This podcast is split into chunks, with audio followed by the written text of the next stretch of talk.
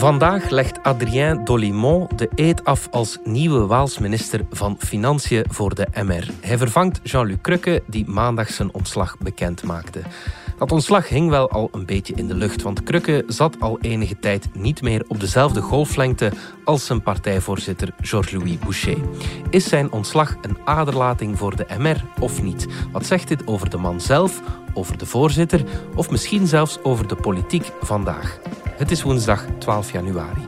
Ik ben Alexander Lippenveld en dit is vandaag de dagelijkse podcast van de Standaard.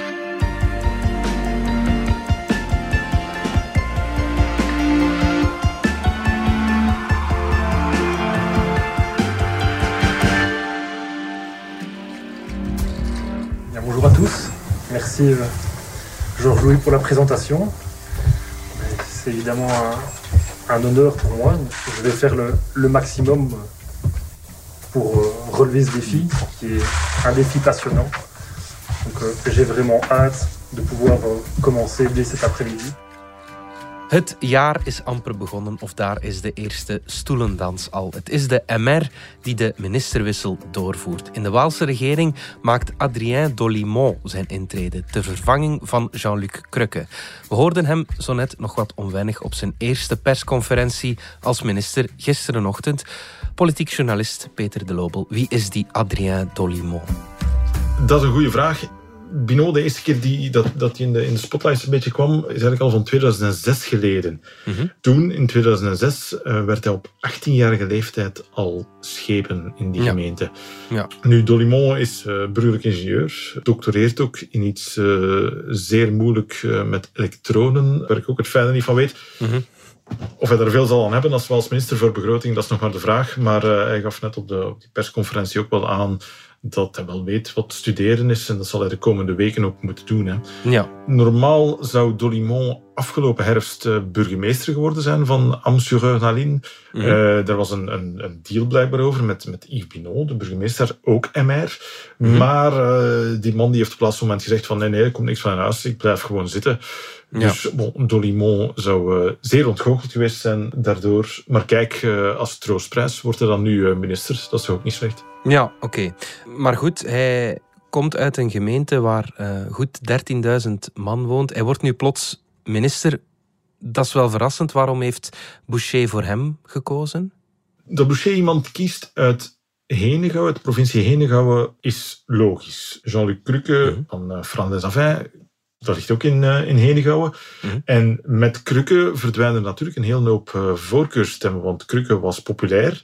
Mm -hmm. uh, als je gaat kijken naar de resultaten van, van 2019, dan had Jean-Luc Crukke het vijfde resultaat voor het Wals parlement, wat zeker niet slecht is mm -hmm. in, in Wallonië, waar toch nog altijd de PS zeer sterk staat. Dus je moet iemand hebben die dat op zijn minst kan, in de toekomst kan proberen op te vangen. Uh, omdat op dat niveau zit Dorimont uiteraard uh, nog niet. Mm -hmm. Maar hij doet het wel niet slecht. En ik ben eens gaan opzoeken de cijfers van, van 2019. Ook daar voor de, de, de verkiezing van het Wals parlement stond hij op de derde plaats in uh, het arrondissement Charleroi-Toin. Mm -hmm. Op de eerste en de tweede plaats, die mensen zijn verkozen. Dat is uh, Nicolas Sanetatos en Rachel Sobri. Zitten alle, allebei in het parlement. Mm -hmm. Maar Dolimont van op de derde plaats haalt wel een pak meer stemmen dan uh, Rachel Sobri, die, uh, die tweede stond. Ja. Dus er zat wel, wel al, al potentieel in, duidelijk, als je vanuit zo'n kleinere gemeente toch erin slaagt om zoveel stemmen binnen te halen. Het is een jong iemand. op, de, op de persconferentie zag er nog wat onwennig uit, maar hij zal zijn tijd wel nemen om, om zich in te werken en te groeien. Hè. Ja, en hij past ook wel in het profiel van wat Boucher beoogt met zijn partij? Of. Wel, ze kennen elkaar blijkbaar al langer. Ze zijn ongeveer even oud ook. De, ja, ja. Voilà, zijn van dezelfde generatie. Dolimo heeft op de persconferentie gezegd dat hij het uh, Waals regeerakkoord uh, rigoureus zal respecteren. Dus dat is uh, een belangrijk punt. Bij de MR in Henegouwen zijn er natuurlijk nog een paar andere grote namen. Denis Ducarme en Marie-Christine Margem, allebei ex-minister. Maar ja, om uiteenlopende reden was al, al duidelijk dat zij het niet zouden worden. Mm-hmm. De grootste naam van de MR in Henegouwen is niemand minder dan Georges-Louis Boucher zelf. Ja. maar ja, die zou het ook niet worden. Dus bon, men is nu uitgekomen bij Dolimon. Hmm. Kijk, uh, misschien niet zo'n gekke keuze. Ja, Dolimon moet uh, best grote schoenen vullen, want hij stapt in de voetsporen van Jean-Luc Crukke, toch jarenlang een van de boegbeelden van de MR. Hij gooide begin dit jaar de handdoek in de ring als minister van Begroting, Financiën, Luchthaven en Sportinfrastructuur. Peter, waarom verlaat Crukke die Waalse regering dan? In de woorden van Jean-Luc Crukke is het de politieke spanning rond het decreet voor een meer rechtvaardige belasting heeft me tot een eenvoudige conclusie gebracht. Ja. Mijn liberale overtuigingen zijn niet meer volledig in lijn met die van de partij. Ja. Dat is wat dat hij Krukke zelf zei maandagochtend op een verrassingspersconferentie waar hij geflankeerd werd door uh, zijn partijvoorzitter Georges-Louis Boucher. Mm -hmm. Het is eigenlijk een hervorming die hij in het parlement voorlegde en waar hij tegenwind kreeg, niet van de oppositie, maar van de eigen MR. Ja. En ja, dat was wel uh, even schrikken voor hem. Toen hij daar uh, ja, destijds op reageerde, was, was ook duidelijk te zien dat hij er wel van, uh, van aangedaan was. Het was ook tegenstand die georchestreerd werd, een beetje vanuit het partijhoofdkwartier, dus mede door, door Boucher. Je ne vous cache pas que le fait de ne pas aborder ce décret ce jour en commission est un échec. J'ai porté ce dossier depuis le début et je ne parviens pas, à quelques encablures, à franchir la ligne d'arrivée. En was het dan echt dat, dat decreet dat hem tot ontslag bracht? Dat decreet aan zich was niet zo spectaculair. Het ging er hem om, om een aantal manieren om, om, om, misbruik te maken van het systeem eruit te halen. Mhm. Het beste voorbeeld daarvan is de camionet fiscal, mhm. de zogenaamde uh, bedrijfswagen uh, die ondernemers uh, zo gezegd hebben, maar die eigenlijk meer gebruikt wordt als gezinswagen of als gewoon voor in de vrije tijd, maar die dat dan wel fiscaal vriendelijker ingeschreven is. Ja. Het zijn dat soort dingen waar Krukke dan waarschijnlijk toch een beetje de, de tegenstand bij de MR had onderschat. Maar bon, het was toch een redelijke verrassing voor hem dat dat plots in het parlement naar boven kwam en dat die parlementsleden zich tegen hem keerden. Nu, ondertussen Eind december is dat decreet gestemd, dus dat is er, dat is eh, in orde. Dus, dus je zou kunnen zeggen dat is geen reden meer voor ontslag. Mm Maar Krukke had destijds wel ineens al aangekondigd. Hij zei van... Uh, Je serai tirer les conclusions le moment venu. Le moment venu zal ik mijn conclusies trekken. En, wel, en nu, we zijn begin januari en le moment est venu. En is het dan echt zijn eigen beslissing? Of is het, ja, heeft Boucher het potje armworstelen dan uiteindelijk toch gewonnen en heeft hij Krukke aan de deur gezet? Hij heeft de, de, de kerstvakantie blijkbaar genomen om erover na te denken. Op 3 januari heeft hij zijn ontslag ingediend uh, bij Boucher. En hij zegt... Ze hebben er vorige week donderdag blijkbaar bij Krukke thuis lang en uitgebreid over gesproken. Boucher heeft mij niks gevraagd. Het is mijn beslissing. Ik heb gezegd, ik stap op.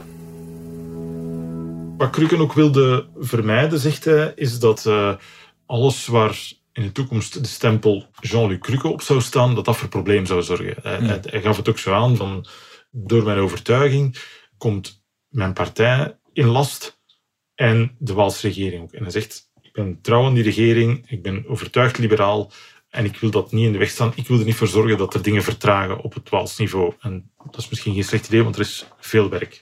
Ja, zo zei hij het zelf maandagavond in Ter Zake op Canvas. Als je meningen hebt in je leven, als minister, en als die meningen niet dezelfde zijn van de meerderheid van je partij, moet je toch kunnen zeggen, ik heb het gezegd, nee, ik ben misschien niet de geschikte man om verder te gaan als minister in de regering om u, u te, te vertegenwoordigen. Dat Krukke al lang niet meer op dezelfde golflengte zit als zijn voorzitter, dat gaf ook Boucher maandag zelf toe.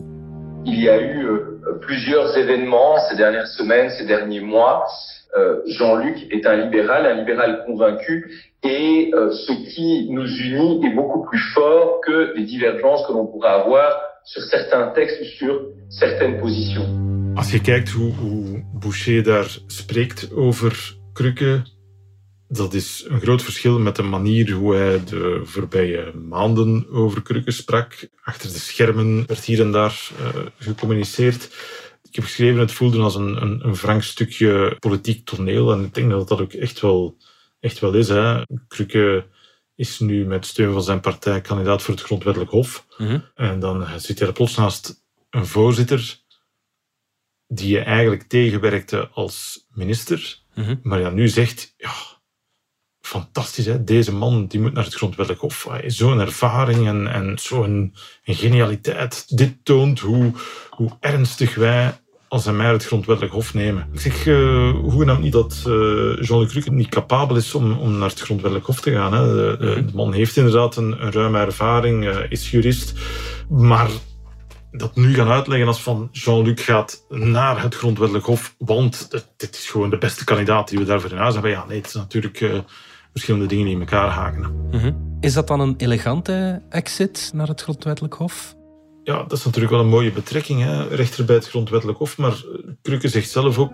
Jean-Louis m'a également à nouveau proposé d'être le candidat du MR à la Cour constitutionnelle. Mijn voorzitter heeft mij dat opnieuw voorgesteld. Et cette fois, en deze keer ga ik er op in. Dus ja, dat, dat wil natuurlijk ook zeggen dat hij er de vorige keer niet op ingegaan is. Dus dat wat hij deed, minister zijn in de Waalse regering, dat hij dat liever deed dan kandidaat zijn voor het grondwettelijk hof. Mhm. Dus uh, als die spanning en die wrijving tussen Boucher en, en Krukke er niet was geweest, dan ja, was die man niet naar het grondwettelijk hof gegaan. Hè? Dat is duidelijk. Mhm, mhm, je sprak daarnet al over een wrang stukje politiek toneel. Is het tekenend voor de MR of voor Boucher dat wie anders denkt uiteindelijk uh, de laan uitgestuurd wordt? Zo makkelijk is het natuurlijk niet. In een partij om, mensen de laan uit te sturen. Het is niet als een, een bedrijf waar je zomaar mensen kan ontslaan. Eh, de politici worden gekozen. En plus, Krukke haalde zeer goede resultaten uh, in Henegouwen. Dus ja, zo werkt dat niet. Wat dat je wel merkt, is, is dat die twee al, al langer op ramkoers lagen. Hè. Voor Boucher voorzitter werd, mhm. moest hij natuurlijk eerst kandidaat-voorzitter zijn. En een van de eerste die hem steunde bij die kandidatuur was Jean-Luc Cruque. Mhm. Uh, er zijn heel veel uh, baronnen, uh, heet dat dan, van de MR, die Boucher gesteund hebben. Op een gegeven moment toen duidelijk werd dat, dat Boucher de geprefereerde kandidaat was van Charles Michel, toenmalig premier en MR-voorzitter, mhm. die dan Europees president geworden is. Ja, de, ze, ze, ze tuimelden bijna over elkaar in hun haast om hun steun aan, aan Boucher toe te zeggen.